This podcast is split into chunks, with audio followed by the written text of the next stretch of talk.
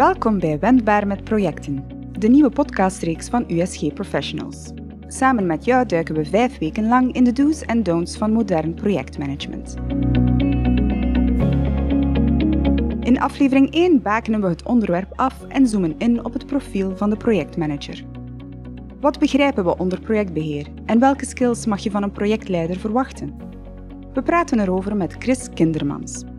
Na een carrière als internationaal projectmanager is hij senior volunteer bij het Project Management Institute PMI en bestuurder bij de Educational Foundation. Hij deelt zijn inzicht en ervaring met business-experte Joke Janssens.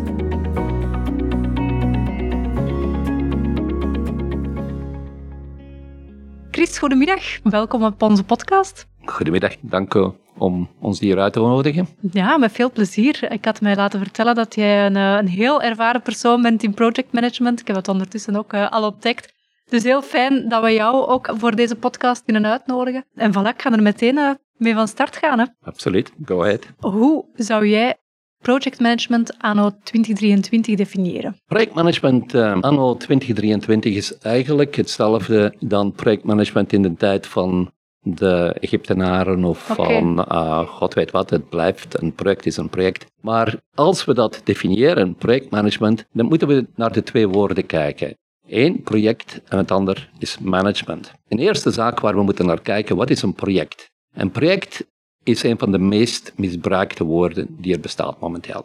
Men spreekt over een levensproject, men spreekt over tal van soorten van projecten. En wat ik eigenlijk ga vertellen, heeft betrekking op wat wij binnen een quote-unquote businessomgeving, maar dat mag ook een gewone soort van omgeving zijn, wat verstaan we als een project? En we verstaan als een project een serie van activiteiten die we gaan, gaan uitvoeren. En die serie van activiteiten, die zijn uniek. Ik ga dat maar één keer doen, want als we dat verschillende keren zouden doen, is dat repetitief. Gaat dat uh, operations zijn meer. En het heeft een begin en een eind. Om je gewoon maar even in te beelden, als we spreken over een levensproject, ja, dat kan alleen maar een levensproject zijn op het moment dat je weet wanneer dat je doodgaat.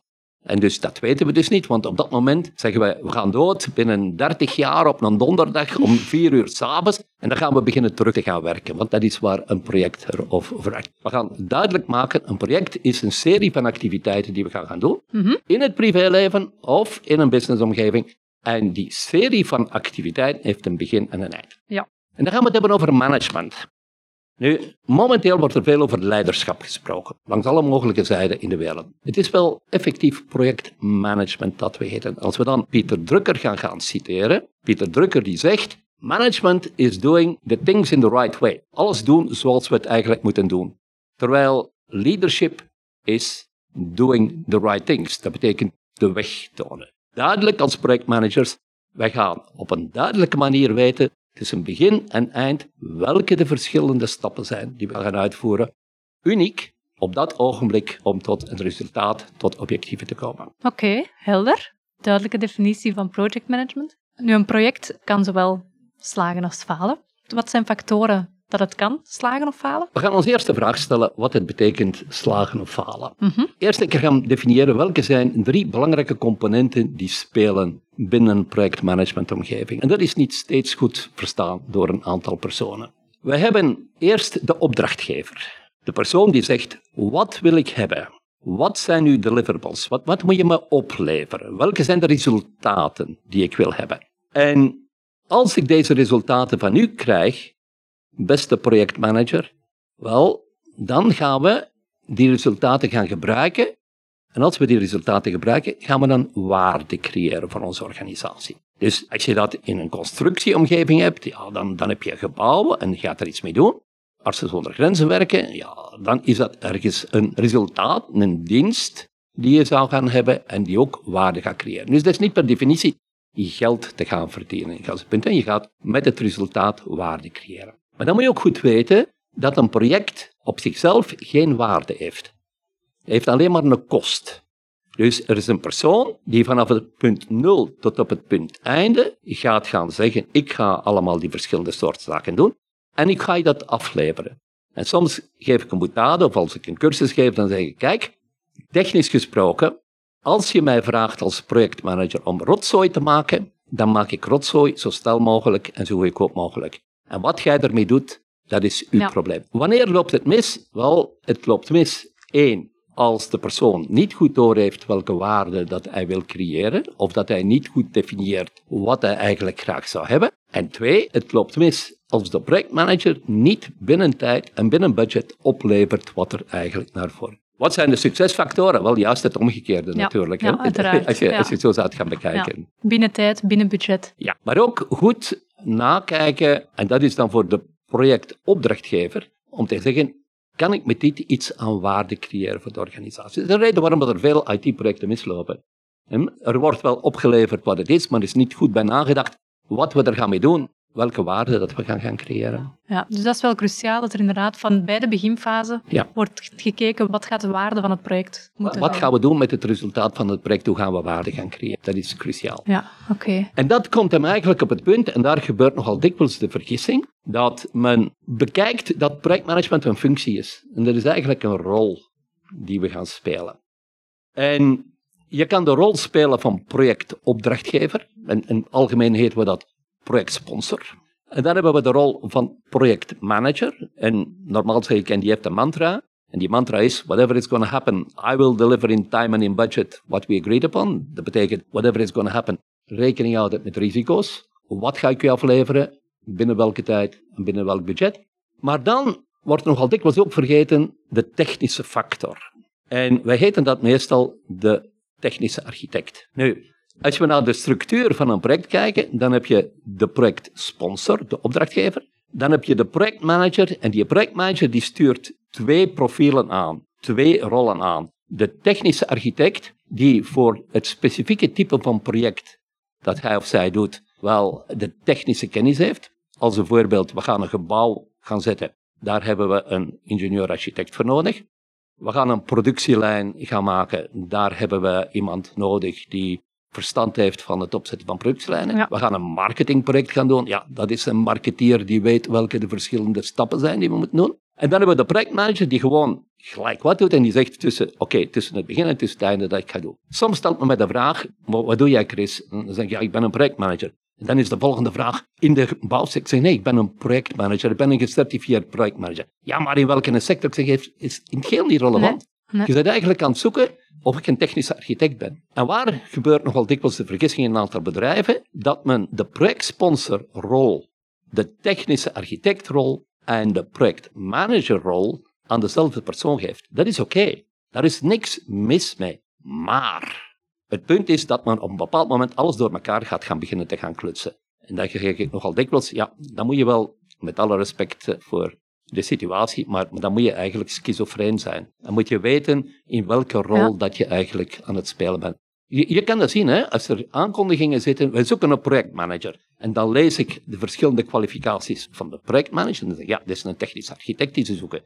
Het is niet een projectmanager die ze zoeken. Ja. Dus, ja, dat is wel een belangrijke nuance dat je hier aankaart. Uh, dat is een belangrijke nuance. En dat is ook belangrijk voor de mensen te weten. En ook voor de profielen die we gaan nodig hebben. En ook de competenties die je nodig hebt. Ja. Om de Want ik las ook, Chris, dat het PMI spreekt over de talent triangle. Is dat hetgeen wat je hiermee bedoelt? Ja, wel, de talent triangle, dat is het nieuwe gebeuren. Maar dat is niet het nieuwe gebeuren. Op een bepaald moment, PMI, of de mensen van Prins 2, of de mensen van IPMA, van IPMA, het is allemaal hetzelfde. Het zijn de drie organisaties die bijna zoals een dialect allemaal hetzelfde vertellen. Hè. Dus, dus daar, daar zit eigenlijk geen onderscheid uh, onder.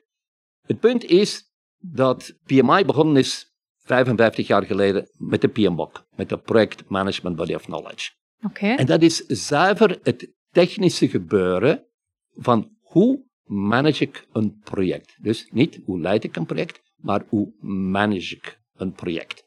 Dat is de PMBOK. Daar wordt certificaten, en daar ga je examen over afleggen en dan ga je certificaten krijgen. Dan stelselmatig heeft men vastgesteld en men zegt, ja, we hebben een soort van power skills nodig. Een aantal competenties, zoals ja, je gaat moeten negociëren, want alles verloopt niet zoals je het wilt. Je gaat leiderschapscompetenties nodig hebben om op een degelijke manier een project te gaan vormen. Je gaat communicatie nodig hebben. Je gaat een creatieve geest moeten hebben. Mario van Oeken heeft een, een, aantal van die soort zaken verteld. Klopt, die komt uh, later nog aan bod in, in deze serie. In het technisch gebeuren, ja, dan moet je maar even aan, aan Mario vragen. Die bekijkt zuiver het projectmanagement technisch gebeuren. Ja. Planning, risico's en hoe ga ik alles gaan, gaan controleren. En dat het meestal PMBOK. Wij hebben er zogeheten soft skills of power skills, zoals we het nu weten, erbij gevoegd. En dan stap voor stap zijn we tot de vaststelling gekomen dat we ook iets moeten vertellen over die projectsponsor. Over het feit, dat is allemaal gemakkelijk om te zeggen, we gaan nu afleveren wat we gaan afleveren binnen tijd en binnen budget. Maar hoe schrijft zich dat in in de totale bedrijfsvoering? En dan zijn we, wat dan uh, business acumen geëten wordt in de talent triangle, laten we een keer stilstaan bij welke investering we doen. Want elk project is eigenlijk een investering, maar het is een kost en het is maar nadien dat investering geld opbrengt, dat je er een waarde eigenlijk gaat gaan mee creëren. Dat is goed. En laten we eens een bekijken, gans ons investeringspakket binnen het bedrijf, wat allemaal verschillende soorten van projecten zijn, kleine en grote, hoe komen die niet allemaal samen? En dan gaan we het beginnen hebben over een projectportfolio. En dan krijg je een aantal andere profielen, andere rollen dat je krijgt binnen een organisatie. En dan zeg je, oké, we gaan de projectportfolio manager hebben. Zelfs in Amerika, en als het ginder regent, dan druppelt het wel na verloop van tijd hm. langs, langs, langs deze zijde. Dan krijg je als part van de C-suite, krijg je de CPO, de Chief Projects Officer. En dus langs die zijde wordt dan gezegd, wij moeten ook competenties geven aan de projectprofessional, wat hij of zij moet kennen van het bedrijf en stap voor stap. Op het einde van de dag krijg je de evolutie dat we zien, want we hebben het ook over 2023, stap voor stap zien we, de evolutie is bijna dat de projectprofessional, het zijn niet allemaal dezelfde personen, niet allemaal dezelfde profielen, bijna het volledig spectrum van het managementgebeuren gaan invullen. Technisch gesproken bestaan er niet zoveel management, er bestaan economische cursussen, bestaat tal van soorten zaken. Maar er bestaan zeer weinig project management of management cursussen. En dat wordt nu momenteel ingevuld. Dus de talent triangle is stap voor stap opgebouwd en het volledig profiel. En dan elke persoon gaat gaan zeggen, ja, welke competenties wil ik en, die wil ik bijvoegen en die wil ik minder doen en dat soort van zaken. Oké.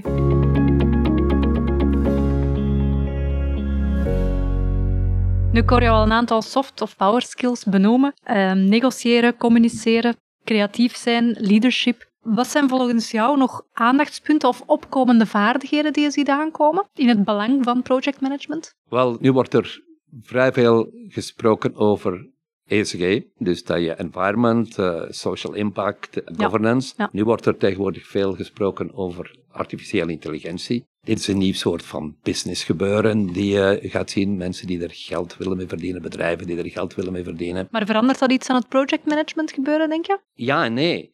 Het gaat Beeld in dat ik een risicoanalyse moet gaan maken over een bepaald type van project in een bepaald soort van omstandigheden. Dan is het handig dat ik misschien een bepaald aantal vragen aan die tools, aan die omgevingen ga stellen uit mogelijke databases ergens in de wereld van als je een dergelijk soort van project doet, wat zijn de meest voorkomende risico's of opportunities als je gaat gaan bekijken. Dus artificiële intelligentie of lange jaren terug heten we dat expertsystemen. Ja, dat gaat ons wel helpen om bij ons denkwerk en bij ons opzoekingswerk en bij onze beslissingsnames en zo. Het gaat nooit in de plaats van de projectmanager komen, maar het gaat net zoals in veel andere soorten van beroepen, hè, want PMI zegt projectmanagement en de projectprofessional, it's a profession. Het, het, is echt, het is echt een beroep. Dat gaat goed ondersteunen. Langs de andere kant moeten we bezighouden met environment. Dus een projectmanager die een nieuw project gaat gaan doen, ja, die moet rekening houden met welke de requirements momenteel zijn. Die gaat zich bezighouden met governance. Bijvoorbeeld eh, het Projectmanagement Instituut, we hebben een Code of Ethics and Professional Conduct. Diversity and Inclusion, dat staat er duidelijk in beschreven. Dus dat zijn elementen die moeten gaan meenemen.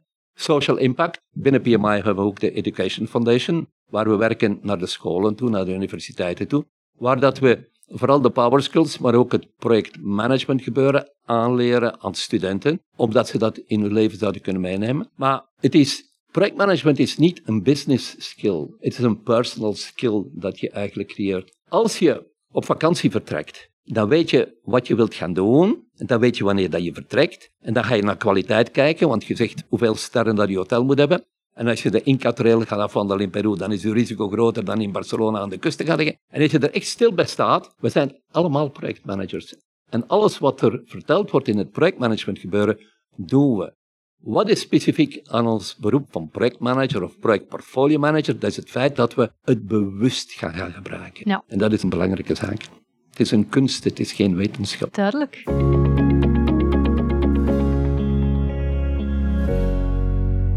Er is nog één onderwerp dat ik ook graag met jou wil aansnijden, Chris. Als we spreken over projectmanagement, hoor ik links en rechts vaak ook al wel eens het woord agile vallen, de laatste jaren, en dat meer en meer aanwezig is. Wat is jouw standpunt daarover? Wel, mijn standpunt van de projectmanagement community is vrij eenvoudig. Agile is geen projectmanagementmethode. Herinner je, ik heb daarnet verteld dat we drie belangrijke rollen hebben binnen gans het gebeuren. We hebben de rol van de projectsponsor, de opdrachtgever, en die is verantwoordelijk voor het business gebeuren, voor de creatie van de waarde. We hebben de projectmanager, die tussen het begin en het eind gaat leveren, en we hebben de technische architect. Ja. En de technische architect, en een van de zaken waarover men spreekt, is Agile staat tegenover de klassieke watervalmethode. Je hebt dat regelmatig. Dat, dat gaat eigenlijk terug naar IT. Kan je dat nog even toelichten, de klassieke watervalmethode? De klassieke watervalmethode is, we gaan eerst de requirements gaan, gaan vastleggen en op basis van dus de vereisten gaan we gaan vastleggen. Dan van op basis van de vereisten gaan we een soort van een maquette maken. Nadat we de maquette gemaakt hebben, gaan we gaan zien hoe gaan we die in stukken gaan breken om te gaan bouwen. En je hebt daar verschillende soorten van technieken. Je moet duidelijk weten, Agile komt vanuit het IT-gebeuren. En Agile is vooral ontstaan op het moment dat de apps voor de telefoons ontwikkeld zijn. Waarbij mensen zeggen, kijk, dit zijn een aantal elementen, speelt er een keer mee en kijkt in hoeverre dat je daar iets kunt mee doen en vertel ons wat je graag meer zou willen hebben en minder wil hebben. En zo werd het stap voor stap met verschillende soorten van releases opgebouwd. Nu, dat is fijn. De watervalmethode die zal zeggen, wacht even, nu dat ik dat gebouwd heb, nu moet ik terug naar van boven en dan moet ik terug mijn document herschrijven, bla bla bla, en zo verder, voordat ik dat terug ga doen. Dus dat is ietske rigider, Ja. ietske rigoureuzer. Ik ga niet voor de term rigide eigenlijk, maar iets rigoureuzer dat er gewerkt wordt. Voor sommige zaken is die manier van ontwikkeling, voor software, is belangrijk. Men, men noemt dat wendbaar. In Nederlands hebben we zeggen, we moeten wendbaar zijn. Ja, ja. Dat is fijn. Maar wendbaar is niet hetzelfde moment chaotisch gaan werken. En binnen het projectmanagement gebeuren zijn we zeer wendbaar, want we hebben change controle, veranderingscontrole, dat we invoeren. En veel mensen vinden dat niet leuk, want op een bepaald moment zeggen we, kijk, als we dat en dat gaan veranderen, dan gaat dat en dat de impact hebben op het eindresultaat. Maar jij mag beslissen of je dat die je wilt hebben. En dan kan iemand zeggen, ja, maar ik heb daar geen budget voor voorzien. Ja, daar kan ik niet aan doen eigenlijk. Het is nu van gedacht veranderd. En het kost wat het kost in, Ja. in, in Ja. gebeuren. Kijk naar sommige van onze bouwwerken in België. Er wordt voor 6 miljoen naar voren geschoven en het komt finaal op 12 miljoen. Waarom? Omdat het een slechte projectmanager is? Vermoedelijk niet. Maar omwille van het feit dat er geen degelijke veranderingscontrole gebeurt in gans het gebeuren. Dus Agile is oké. Het is een methode voor de technische architect. In dit geval van IT of Ja. voor een ander soort gebeuren. Om iets op te bouwen. Maar het is geen methode voor de projectmanager. Nu, PMI heeft, ga je zeggen, ja, maar PMI heeft ook een certificaat voor Agile Projectmanager. Dat is juist. Waarom? We hebben een aantal van die elementen herschreven. Mhm. Dat we zeggen, goed, als je zo wilt werken op een zeer wendbare methode, dit is hoe dat wij denken dat dan uw project moet gemanaged worden. Ja. Dus zolang dat het zo is, is dat perfect goed en hebben we daar geen enkel probleem mee. Ja. Nu, je moet weten, de basis is tussen het een en het ander, en en dat is fundamenteel binnen het projectmanagement gebeuren, technisch gesproken. Ik moet een bepaalde scope afleveren en die gaat zoveel tijd nemen en dat gaat zoveel kosten. Weten dat de magische driehoek, ik ga daar niet in details gaan overtreden, maar als je die magische driehoek omkeert, dan staat bovenaan tijd en kost en staat scope zonder. En als je op een ongecontroleerde wijze je scope laat veranderen, wat gebeurt met de features en de functions dat je hebt in gans het Scrum gebeuren, ik zeg niet dat het overal zo gebeurt in, in gans punt, maar dat is een van de aandachtspunten voor de projectmanager. Dan ga je op een bepaald punt komen, mijn tijd is op en mijn kosten, mijn budget is verwerkt. Nou, ik heb wat ik heb, hè. Ja. En daar is het nog niet zo erg. Ik heb wat ik heb. Maar dan moeten we terugkeren naar de projectopdrachtgever. En die gezegd heeft, als ik deze kost maak, als ik dit doe, dan kan ik daar die waarde mee creëren. Ja. En de grote vraag is, kan ik dan nog met Ja. de scope die ik dan heb, de Ja. waarde creëren? Het is zeer eenvoudig hoor. Ja. Het is, Ja. Nog een laatste vraag waar ik nog op wil inspelen. Je laat ook het woord change vallen. Komt change management bij elk project om de hoek kijken? Absoluut, dat is duidelijk. Om twee redenen. Omdat toch de opdrachtgever niet van in het begin 100% duidelijk weet wat hij wil hebben. En dat gaat vertaald worden door de projectmanager met iets zeer duidelijk vast te leggen wat hij gaat afleveren. En terwijl hij aan het rapporteren is naar zijn opdrachtgever over de vooruitgang van het project, gaat die een opdrachtgever zeggen, ja, ik zou toch graag dat veranderd zien. Ja. Dat is een belangrijk punt. Maar er is ook een tweede punt. Er kunnen zich risico's voordoen, kristalliseren. Dat je op een bepaald moment zegt, hola, dat hebben we niet. En het zijn geen black swans zoals uh, erover gesproken wordt. Gewoon zuiver risico's zo. En bijvoorbeeld die brand in Rodos of zo, dat is geen black swan. Hè? Iedereen weet, als het zomer is, dan kunnen de bossen, die kunnen in brand schieten eigenlijk. Die kunnen niet in brand schieten, maar die kunnen aangestoken worden eigenlijk. En er kan brand gecreëerd worden. Als er risico zich voordoet, als ik zie bij de uitwerking van mijn project dat ik wat ik vooropgesteld heb toch niet kan doen, dan moet ik ook vanuit het standpunt van het project zelf op een gecontroleerde wijze afspreken met mijn opdrachtgever. En bij wie zit dan die verantwoordelijkheid? Inderdaad bij de projectmanager of ook bij de sponsor? Of ook net bij die technisch architect? Veranderingen die gevraagd worden, die zitten zowel de projectmanager. Projectmanager, ene keer dat een afspraak gemaakt heeft met de opdrachtgever, kan niks veranderen zonder dat hij de goedkeuring heeft van de opdrachtgever. Maar er zal steeds een tijd en een kost aan gerelateerd zijn. De opdrachtgever, die moet ook weten dat hij zomaar links of rechts of een van zijn personeelsleden kan zeggen, wil je dat gaan veranderen? Nee, dat, dat kan niet. Dat moet ook formeel gebeuren. We zijn redelijk formalistisch in, in gebeuren. De verantwoordelijkheid ligt bij beide partijen, opdrachtgever en uitvoerder, dat er een change control mechanisme bestaat. Ja. Want anders gaan we in chaos, chaos terechtkomen. Oké, prima. Ja. Binnen enkele afleveringen gaan we er ook nog met Erik Stekkete dieper op, uh, op ingaan rond het gebeuren van change management, inderdaad. Ja, ja dat, is een, dat is een zeer, zeer belangrijk punt. Er is ook een ander belangrijk element dat we gaan kijken of bekijken, is waar het projectmanagement gebeuren binnen het bedrijf staat. Ja, dat vind ik ook nog wel interessant. Daar mag je zeker ook nog een woordje uitleg over geven om en af te ronden. Gans het gebeuren is, en dat is ook een zeer belangrijke zaak naar de resources toe, is dat je zegt, oké, we hebben visie, missie en we hebben objectieven. In alle mogelijke organisaties heb je dat. Iets gelijkaardigs heb je bijvoorbeeld bij het Wit Kruis, hè? om iets, een, een, ander soort van organisatie te heten, dat je zegt, die werken op, op deze wijze. Nu, eerst en vooral hebben we operations waar dat we high-level operations hebben. En binnen die high-level operations gaan er een aantal personen werken. En die personen die werken, wel, die gaan value creatie gaan doen. Maar dan zowel vanuit operations als vanuit de strategie gaan we die portfolio van projecten hebben. En die portfolio van projecten, die gaan allemaal individuele projectmanagers en die dat uitvoeren. Ja. Maar de belangrijkste lijn die van interesse voor jullie is, en daar draait het hem rond, dat is organizational resources. En dat geeft in veel bedrijven momenteel een probleem.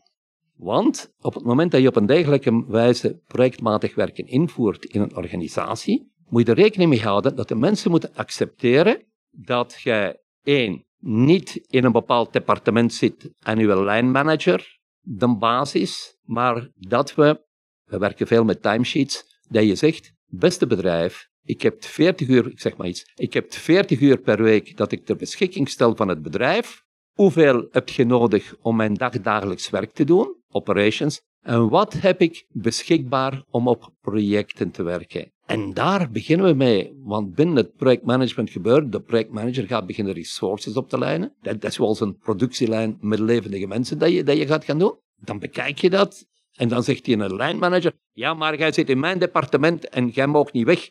Ja, maar zo zit de wereld niet meer in elkaar. We gaan optimaal onze resources moeten gaan gebruiken binnen het bedrijf. Ja, maar dat staat niet in mijn functiebeschrijving. Ja, dat kan goed mogelijk zijn. Je gaat een rol gaan spelen binnen het project. Binnen het project wat een toneelstuk zou kunnen zijn. Je hebt die en die competenties. Wel, wij vragen u om deze activiteit binnen het project te doen, want deze competentie heb ik nu nodig binnen mijn project om te gaan uitvoeren. Dikwijls langs een technische zijde is dat ook, maar ook soms langs het projectmanagement gebeuren.